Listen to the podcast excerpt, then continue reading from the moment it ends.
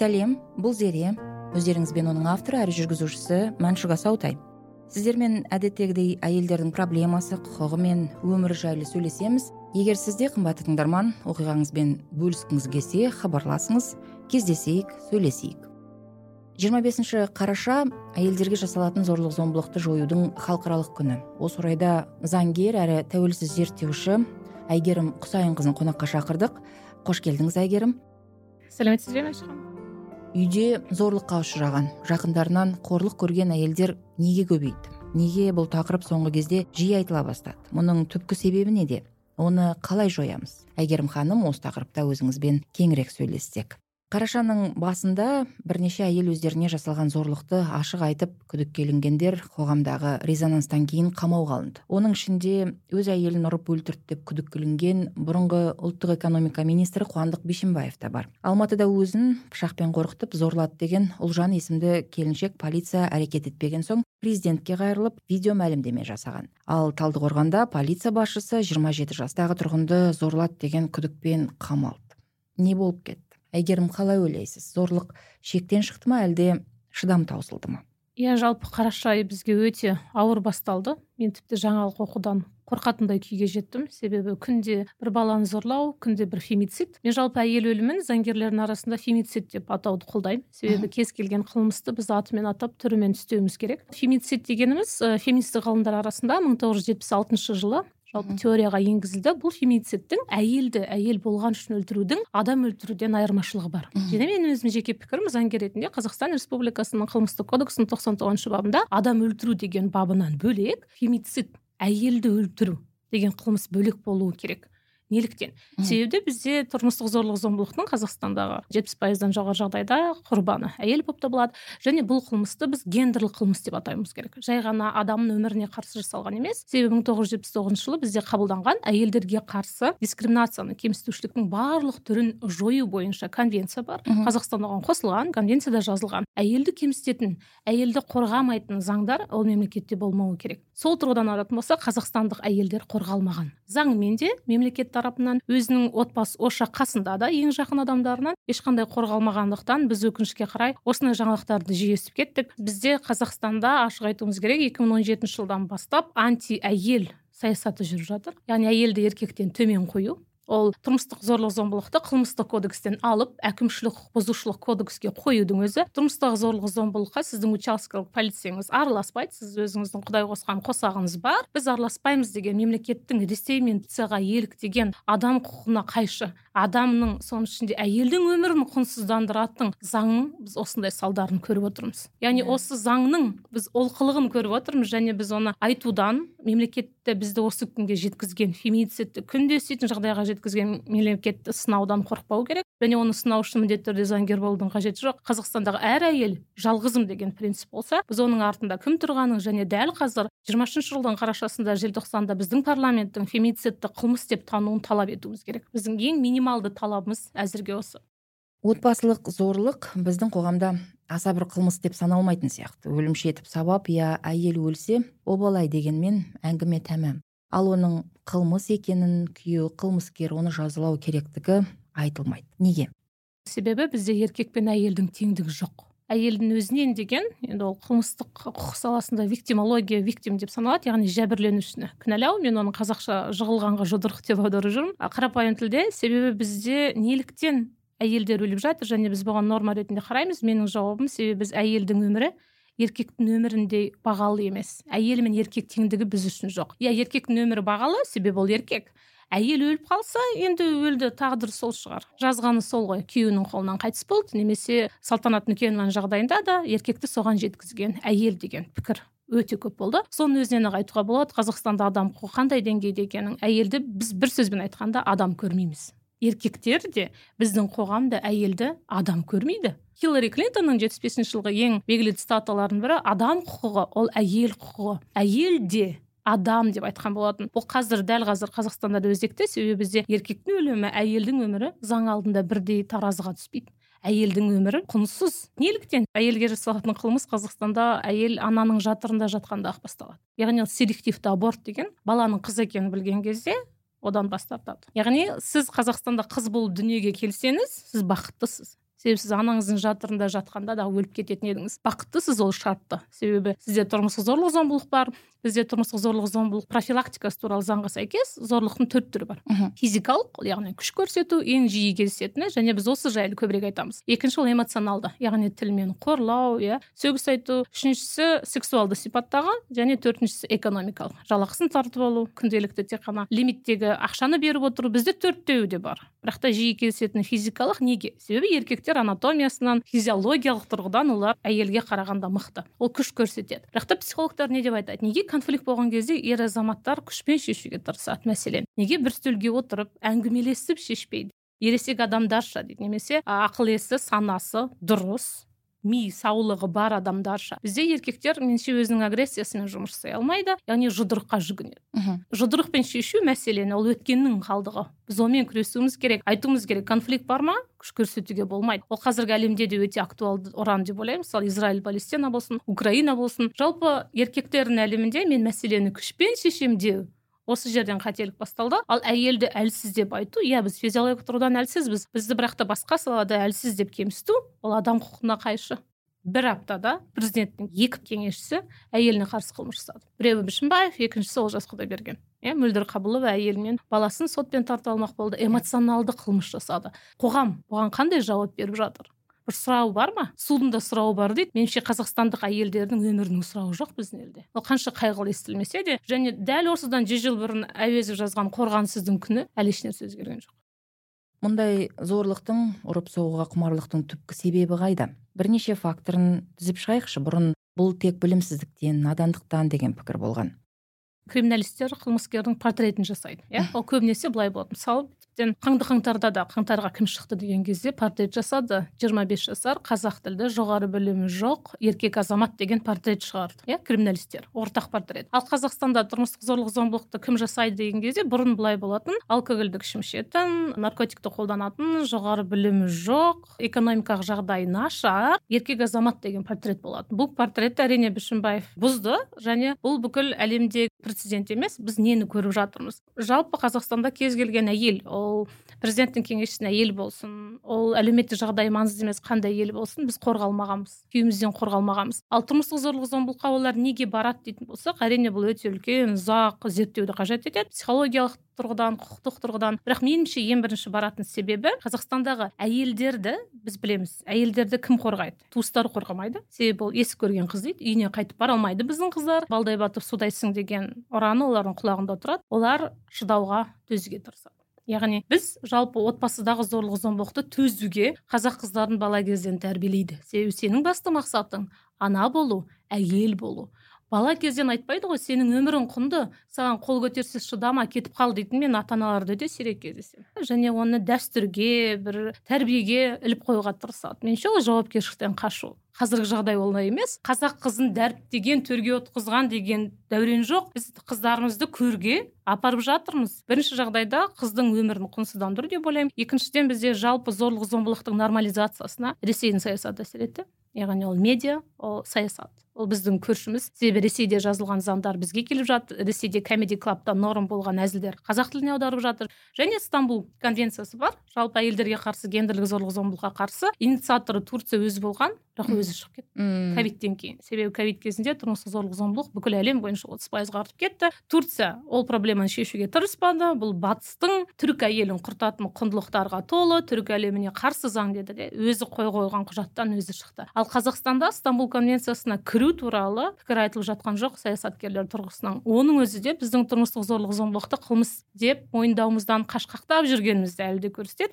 Яғни әйел өліп қалса біз себепті басқадан іздейміз. Тағдырынан тәрбиесінен тілінен белдемшесінің киімінің ұзындығынан далабының түсінен. Жоқ мәселе ондай емес. Мәселе заң сен әйелді өлтірген еркекті жазаламай отырсың. Меніңше бірінші себеп заңның осалдығы екінші себеп қазақ қоғамында әйелдің өмірін еркектің өмірімен тең әйел тең деген қарапайым арифметикалық заңдылықты мойындамау. Үшінші бізде жалпы қоғамда агрессиямен жұмыс жүргізілмейді деп ойлаймын. Агрессия ол біздің мысалы мемлекетке қарсы иә отбасыдағы әйелімізге қарсы сүйіктілерімізге қарсы. Қандай да бір сезім ол позитивті болсын негативті болсын біз онымен жұмыс жасай алмаймыз деп ойлаймын. Оның нәтижесі қаңтар болды оның нәтижесі қазақстанда болатын саяси репрессиялар. Яғни біз өзіміздің эмоция тіпті мемлекетке білдіре алмаймыз. Қазақ ақындарының біреуінің сөзі бар еді ғой бізде өтірікшілер жоқ бізде шындықты айтпайтындар бар дейді. Меніңше дәл қазіргі жағдай сондай бізде депутатта бәрі керемет өтірік айтпайды олар. Бірақ та шындықты да айтып жатқан жоқ. Шындықты жасыру өтірікті айтумен бірдей олар шындықты жасырып отыр. Шындық қандай? Бізде феминицид өте үлкен деңгейде қылмысқа жетті. Себебі біздің портреті қылмыскердің ол тек қана жоғары білімі жоқ орта жастағы қазақ еркек емес кез келген адам болады. Ол сіздің көршіңіз ол президенттің кеңесшісі.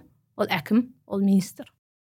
Қазір осы оқиғадан кейін өте көп әйел күйеуінен зәбір көргенін айтып жатыр да. Мойындау менде осылай болды мен қашуға тырыстым мен кетуге тырыстым мені ұрды деу ол өте үлкен күш керек та ондай дүниеге. Осындай әрекетке барған ә, видео мәлімдеме жасап өзінің отбасындағы әңгімені сыртқа шығарған әйелдердің еңбегі еш кете ма деген бір қорқыныш бар менде. Бәрімізде бар ол. Күдік пен күмән. Себебі жабулы қазан болып қалып кете ме деген күмән бар. Біріншіден миту мувмент дейікші иә? мысалы ақш та басталған миту немесе біз оны екі мың он тоғызыншы жылы un бірге мені де тыңда мені де есті деп қазақша аударған болатынбыз. Миту муман жалпы ол жұмыс орнындағы харасменттен басталып бүкіл ақштағы әйелдер өзіне жасалған сексуалды харасментті көрген кезде өзге куәгерлерді көре отыра өзінің оқиғасын айтуға бір батылдыққа ие болды. Меніңше салтанат нүкенованың кейсі де осындай сабақ болады. Әрине өте құнды сабақ. Өйткені адам өліммен келген сабақ. Бұл сабақтан кейін кез келген әйел тұрмыстық зорлық зомбылықты көрсе көршісінен естісе үнсіз қалмайтын деңгейге жете аламыз деп ойлаймын. Яғни біз мысалы феминистер 2021 жылы марш ұйымдастырған кезде біздің тақырыптардың бірі тұрмыстағы зорлық зомбылықты криминализациялау болды. Бірақ та ол кезде біздің үніміз естілмей қалды. Неліктен себебі бұл феминистік марш емес бұл лгбт ның маршы деген жаладан кейін бекболат тілеухан бастаған ол кезде ол кісі депутат. Бұл біздің мәселелеріміз маңызды мәселелеріміз айтылмай қалды. Билікке жетпей қалды көміліп қалды. Меніңше көпті көрсе көл дейді ғой. Салтанат нүкенованың кейсінен кейін бұрын бұл мәселені айқайлап айтқан тек әйелдер болса қазір өзге де өкілдер қауымдар қосылып жатыр. Ол тек қана еркектер емес саясаттағы бизнестегі. Мысалы бұл кейс баян мақсатқызымен де болды ғой екі мың он жетінші жылы. Ол кезде есіңізде болса бәрібір де біздің қоғамның басым бөлігі мақсатқызын иә кінәлады. Неліктен күйеуінің көзіне шөп салды өзіне сол керек әне беті тілінде де қалды деді. Дәл осы жағдайда сол негативтен сабақ алып иә самұрық құсындай қайта түлеп бақыт фильмін түсіргеннен кейін баянға дәл осы салтанат бізге екінші мәрте сабақ бергендей. Мен тіпті білесіз бе мынандай бір параллель көрдім. Біз жаңаөзеннен сабақ алмадық қаңтар қайталанды. Біз баяннан сабақ алмадық салтанат қайталанды. Сол үшін салтанаттың кейсінен кейін меніңше біз күресу даусымыз осы жолда үнсіз қалмайды деп сенемін тым оптимист шығармын. Депутаттар әйелді қорғайтын заң бар дейді. Дегенмен ол заңның орындалмайтынын ескерсек әйелді өзінен басқа ешкім қорғай алмайтынын түсінеміз. Мәселен экономист олжас құдайбергеновтың кейсін алсақ оның әйелі мөлдір қабулова отбасында зорлық болғанын құдайбергенов ұрып соққаннан кейін ажырасуға мәжбүр болғанын мәлімдеді. Ажырасқаннан кейін балаларды кіммен қалдыру мәселесін ювеналды сот қарап ақыр аяғы әкесімен қалдырған. Істің ақ қарасын анықтауды сотқа қалдырсақ өйткені олжас құдайбергеновтің өзі де пост жазып айыптауларға жауап берді. Дегенмен маған отырыс кезіндегі судьяның сөздері қызық көрінді. Түсіндірейін. Күйеуінің өзін сыйламайтынын ұрып соғатынын айтқан мөлдірге судья сенің проблемаң сен тұрмысқа шыққанда дәлірек айтқанда этникалық қазаққа тұрмысқа шыққанда басталды дейді. Менің де қызығушылығым бар емес па деген мөлдірге судья онда әйелді тең деп қабылдайтын ағылшын я американдыққа шығу керек дейді. Яғни заңның орындалуын қадағалайтын. Адамдардың құқығын сақтауды негізгі міндеті дейтін судья қазақта әйел тең емес теңдік іздесең өзге ағылшын я американдыққа ти дейді. Сонда қазаққа әйел қазақ жігітіне тіл тигізу yeah. Иә. қазаққа фобия расист пікір деп есептеймін. Мизоген расист сексист пікір. Бұндай пікірдегі судьялар өте көп. Және дәл осы кезде мені қатты таңдандырғаны қазақ еркектерін ағылшынмен кемсітіп тұр. Яғни қазақ еркегіне қарағанда ағылшын еркек әйелдерді бағалайды. Деген пікірді неліктен біздің қазақстан ер азаматтардан әншейінде бізді намыс өлтіреді қоянды қамыс өлтіретін дейтін еркектерден мен бірде бір аргумент естімедім. Үнсіз қалды бұл бірінші мәселе. Екінші мәселе бұл жерде қазақ қыздары егер жақсы өмір сүргісі келсе қазақ еркегіне үйленбесін деген жасырын үндеу тұр. Неге осыны айтпады бізде отбасы құндылықтарын сақтайтындар? Мына судья қазақ қыздарына қазаққа үйленбе деп жатыр. Мына судьяны жазалайық деген намысын қорғаушылар қайда қалды? Қазақ қызының намысының күзетшілері көп қой. Солар қайда? Yeah. Иә. неге олар бұған көз жұмып қалды? Дәл осы кезге келген кезде себебі олар бұл жерде үнсіздігімен олжас құдайбергенді қолдап отыр. Яғни мөлдірге айтты сен білдің ғой үйленгенде кімге үйленген? Сен ұрса төзуің керек еді. Иә қорласа үйден кетпеуің керек еді яғни мында қазақ еркектері әйелін сыйламайтын зорлық зомбылық жасайтын тиран деген пікірді қолдап отыр еркектер. Статус кво солай. Әйелдерді қорлайтын қоғам меніңше ешқашан адам өмірін бағаламайды. Және маған ұнамайтын нарратив кеше тағы бір челлендж басталыпты. Қарындасыңа тиіспе дейді. Қалғандарына болады. проблема. Иә қарындасың болмаса ше. Соны тиісуге болады ма? Бұл да әйелді емес әйелді адам ретінде емес қарындас әпке жолдасы әріптесі ретінде көру. Сіз яғни әйелді адам деп көріп тұрған жоқсыз. Иә. Мен қарындасымды қорғаймын бірақ басқа қызды барып зорлауыма бола ма сонда? Қоғамда әйелдерге тең құқық беруді еркек сияқты жұмыс істеу немесе отбасында билікті бөлісу деп қарайтын сияқты. Жалпы сіздіңше теңдік деген не?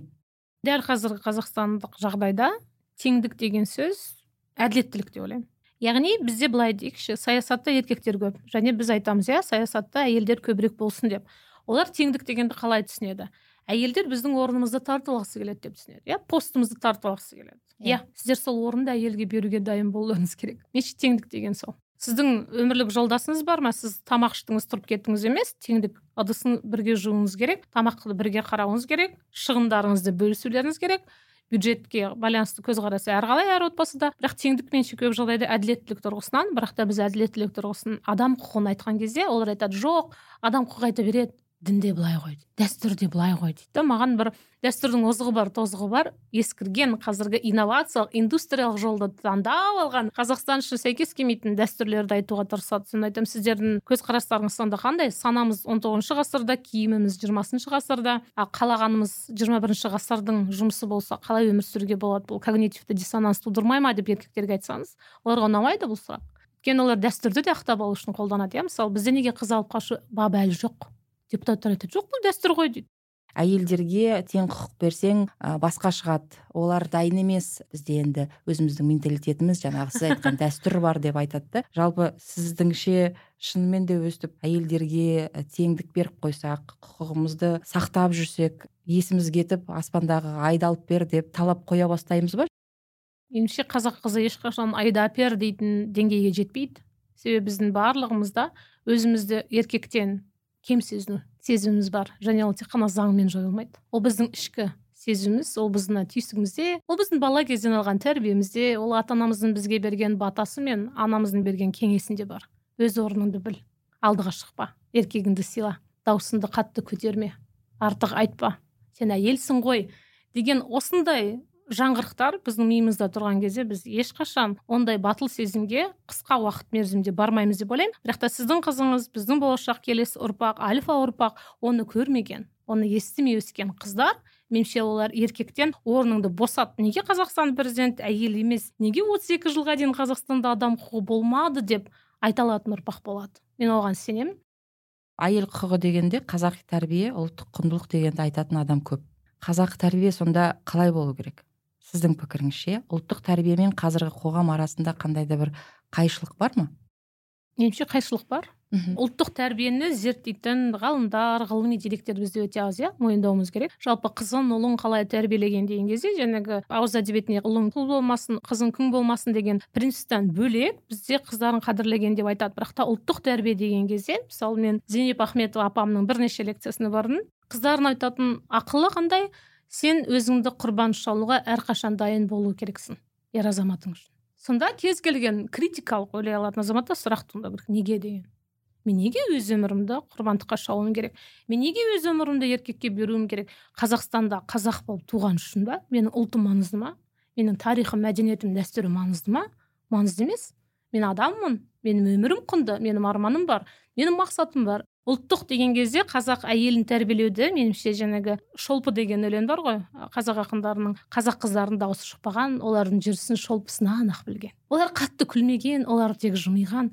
Қызды қырық үйден тыю. Қызды қырық үйден тыю емес қазақстан әр қырқыншы үйден қыздардың табыты шығып жатыр. Осыны қырық үйден тыйғандарың?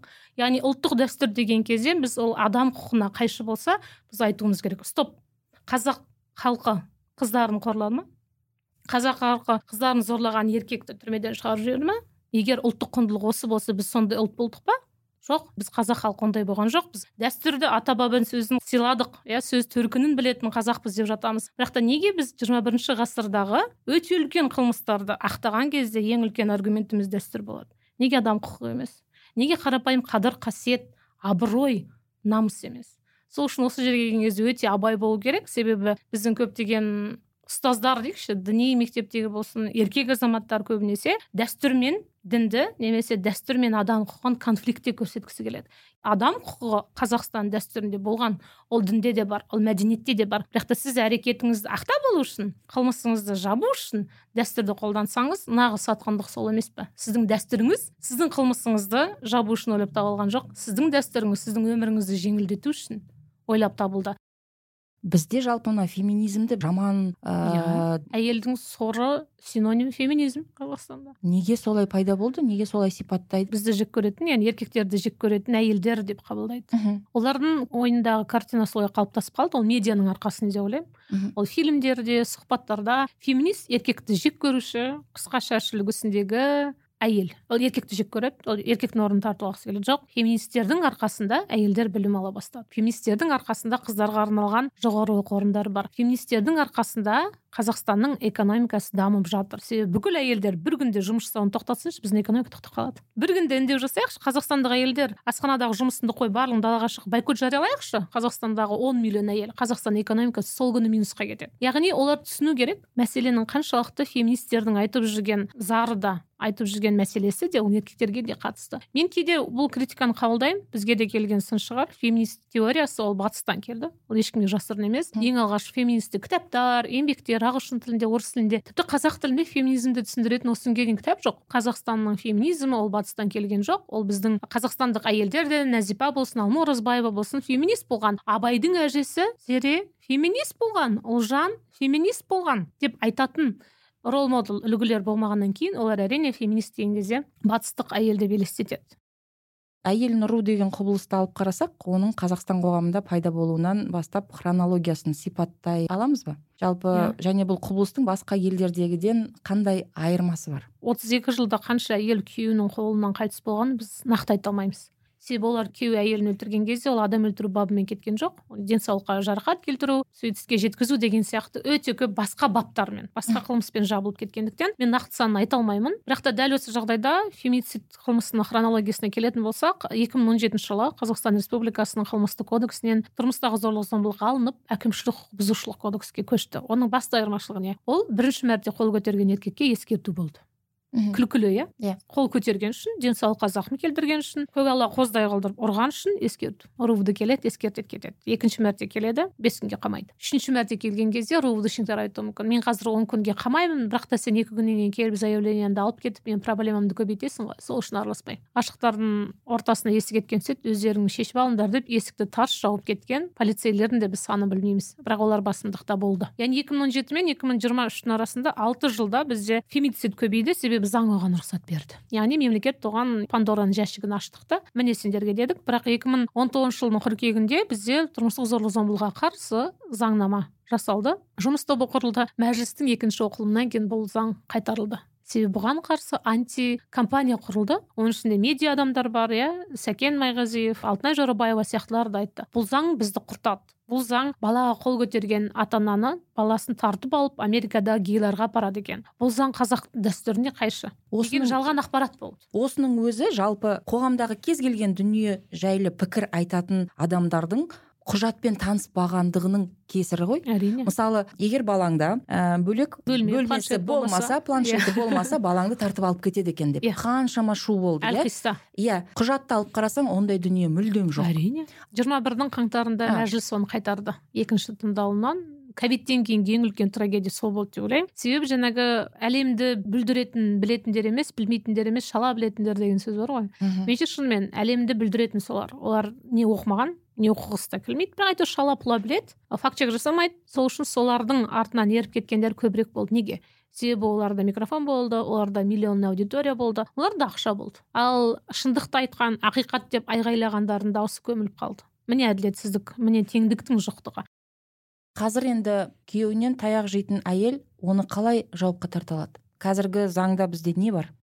Біздің заңда былтырғы бірінші шілдеден бастап өзгерістер мен толықтырулар енді. Әйелдің арызы болмаса да әйел арыз жазбаса да әйел өзі қарсы болса да оған іс қозғалу керек әкімшілік құқық бұзушылық іс қозғалу керек. Ескерту жоқ ескертуді алып тастады және достастыру мәселелері бар. Бірақ екінші мәрте полиция оларды достастырмайды. Яғни ымыраға келмейді екінші мәрте. Он суткаға максимум жиырма суткаға қамайды және қоғамдық жұмыстарға тартады. Бұның өзін біз лайықты жаза деп есептемейміз. Өте жеңіл жаза. Әйеліне қол көтерген жағдайда менің жеке субъектив пікірім бірінші мәрте он бес күнге қамау керек екінші мәрте ол қылмыстық іс болып қаралу керек. Яғни ескерту айыппұл тәрбиелеу жұмысы достастыруға тырысу жоқ болмайды. Біз ол этаптан өттік.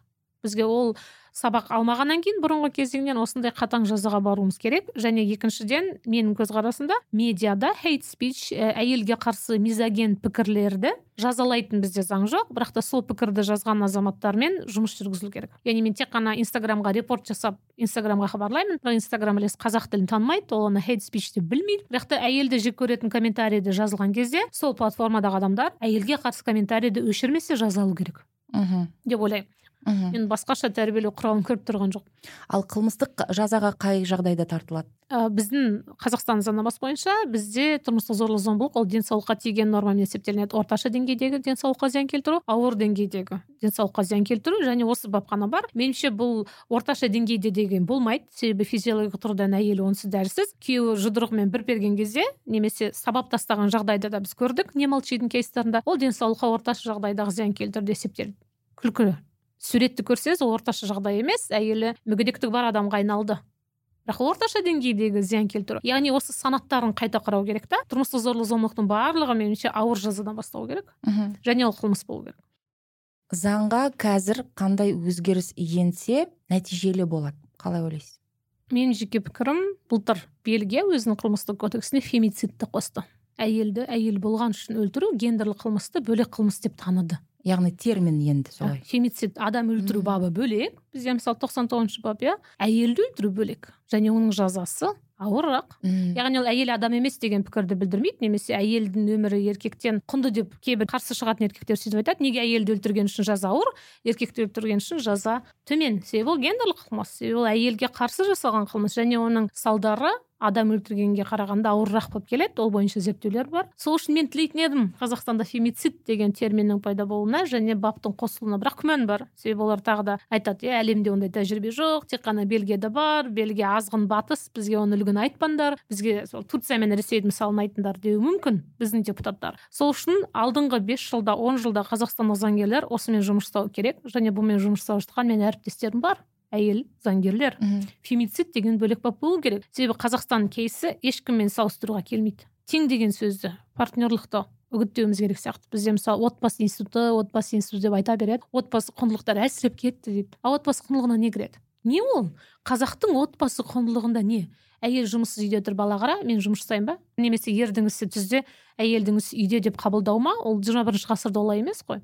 Мен теңімсің мен сені қорламаймын мен сенімен тең көремін. Мен шешім шығарған кезде сенімен ақылдасамын мен сенің эмоцияңды білгім келеді деп қарайтын саналы методиканы психологтар да барлық жерден айту керек деп ойлаймын. Еркектерге әйелің сенің меншігің емес сен оны сатып алған жоқсың. Балаң сенің затың емес ол бөлек тұлға оның арманы бар. Бірақ та ер азаматтарға бұл ең қиын дүние осы ғой. Иә. өйткені бала кезден олай солай тәрбие береді ғой. Мысалы елуден алпыстан асқан ер азаматтардың пікірін осыған келген кезде өзгерту меніңше тіптен мүмкін емес шығар. Біз теңбіз. Біз барлығымыз теңбіз.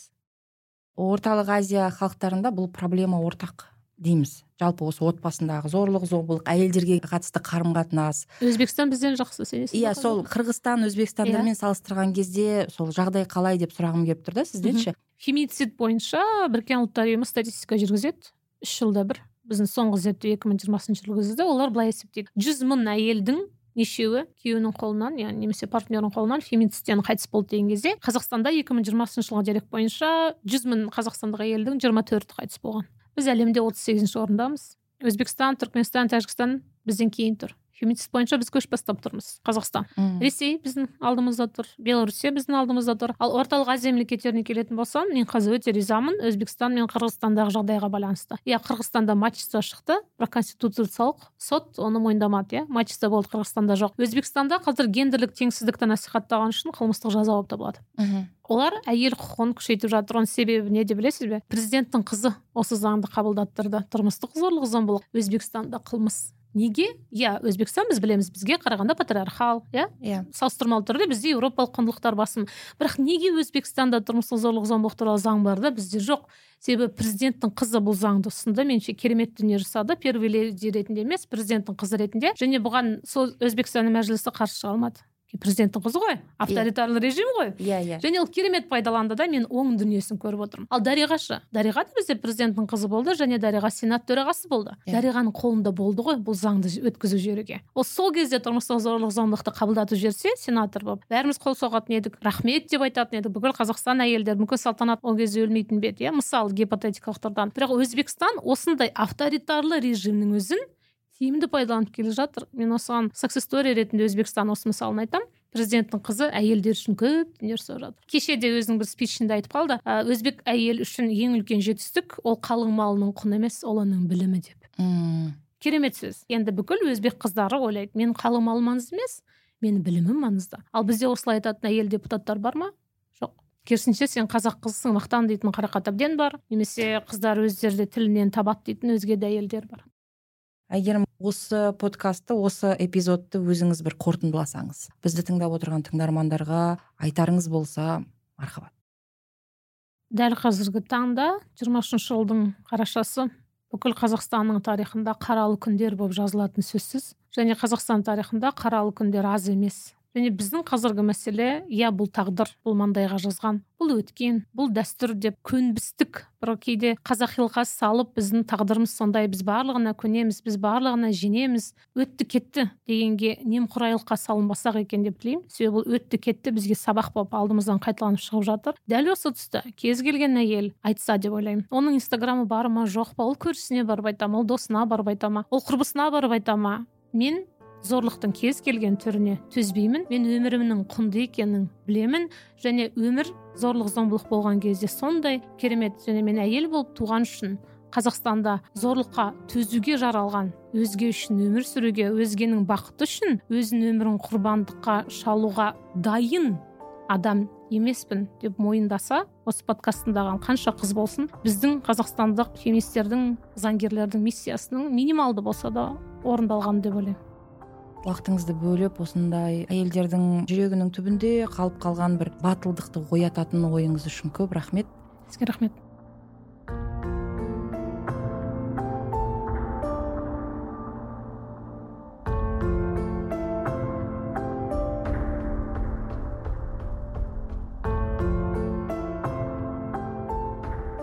Осымен қымбатты тыңдарман. Бүгінгі эпизод тәмам. Оны дайындауға маған көмектескен аудиоредактор елдар құдайбергенов. Келесі кездескенге шейін келесі эпизодқа шейін аман сау болайық.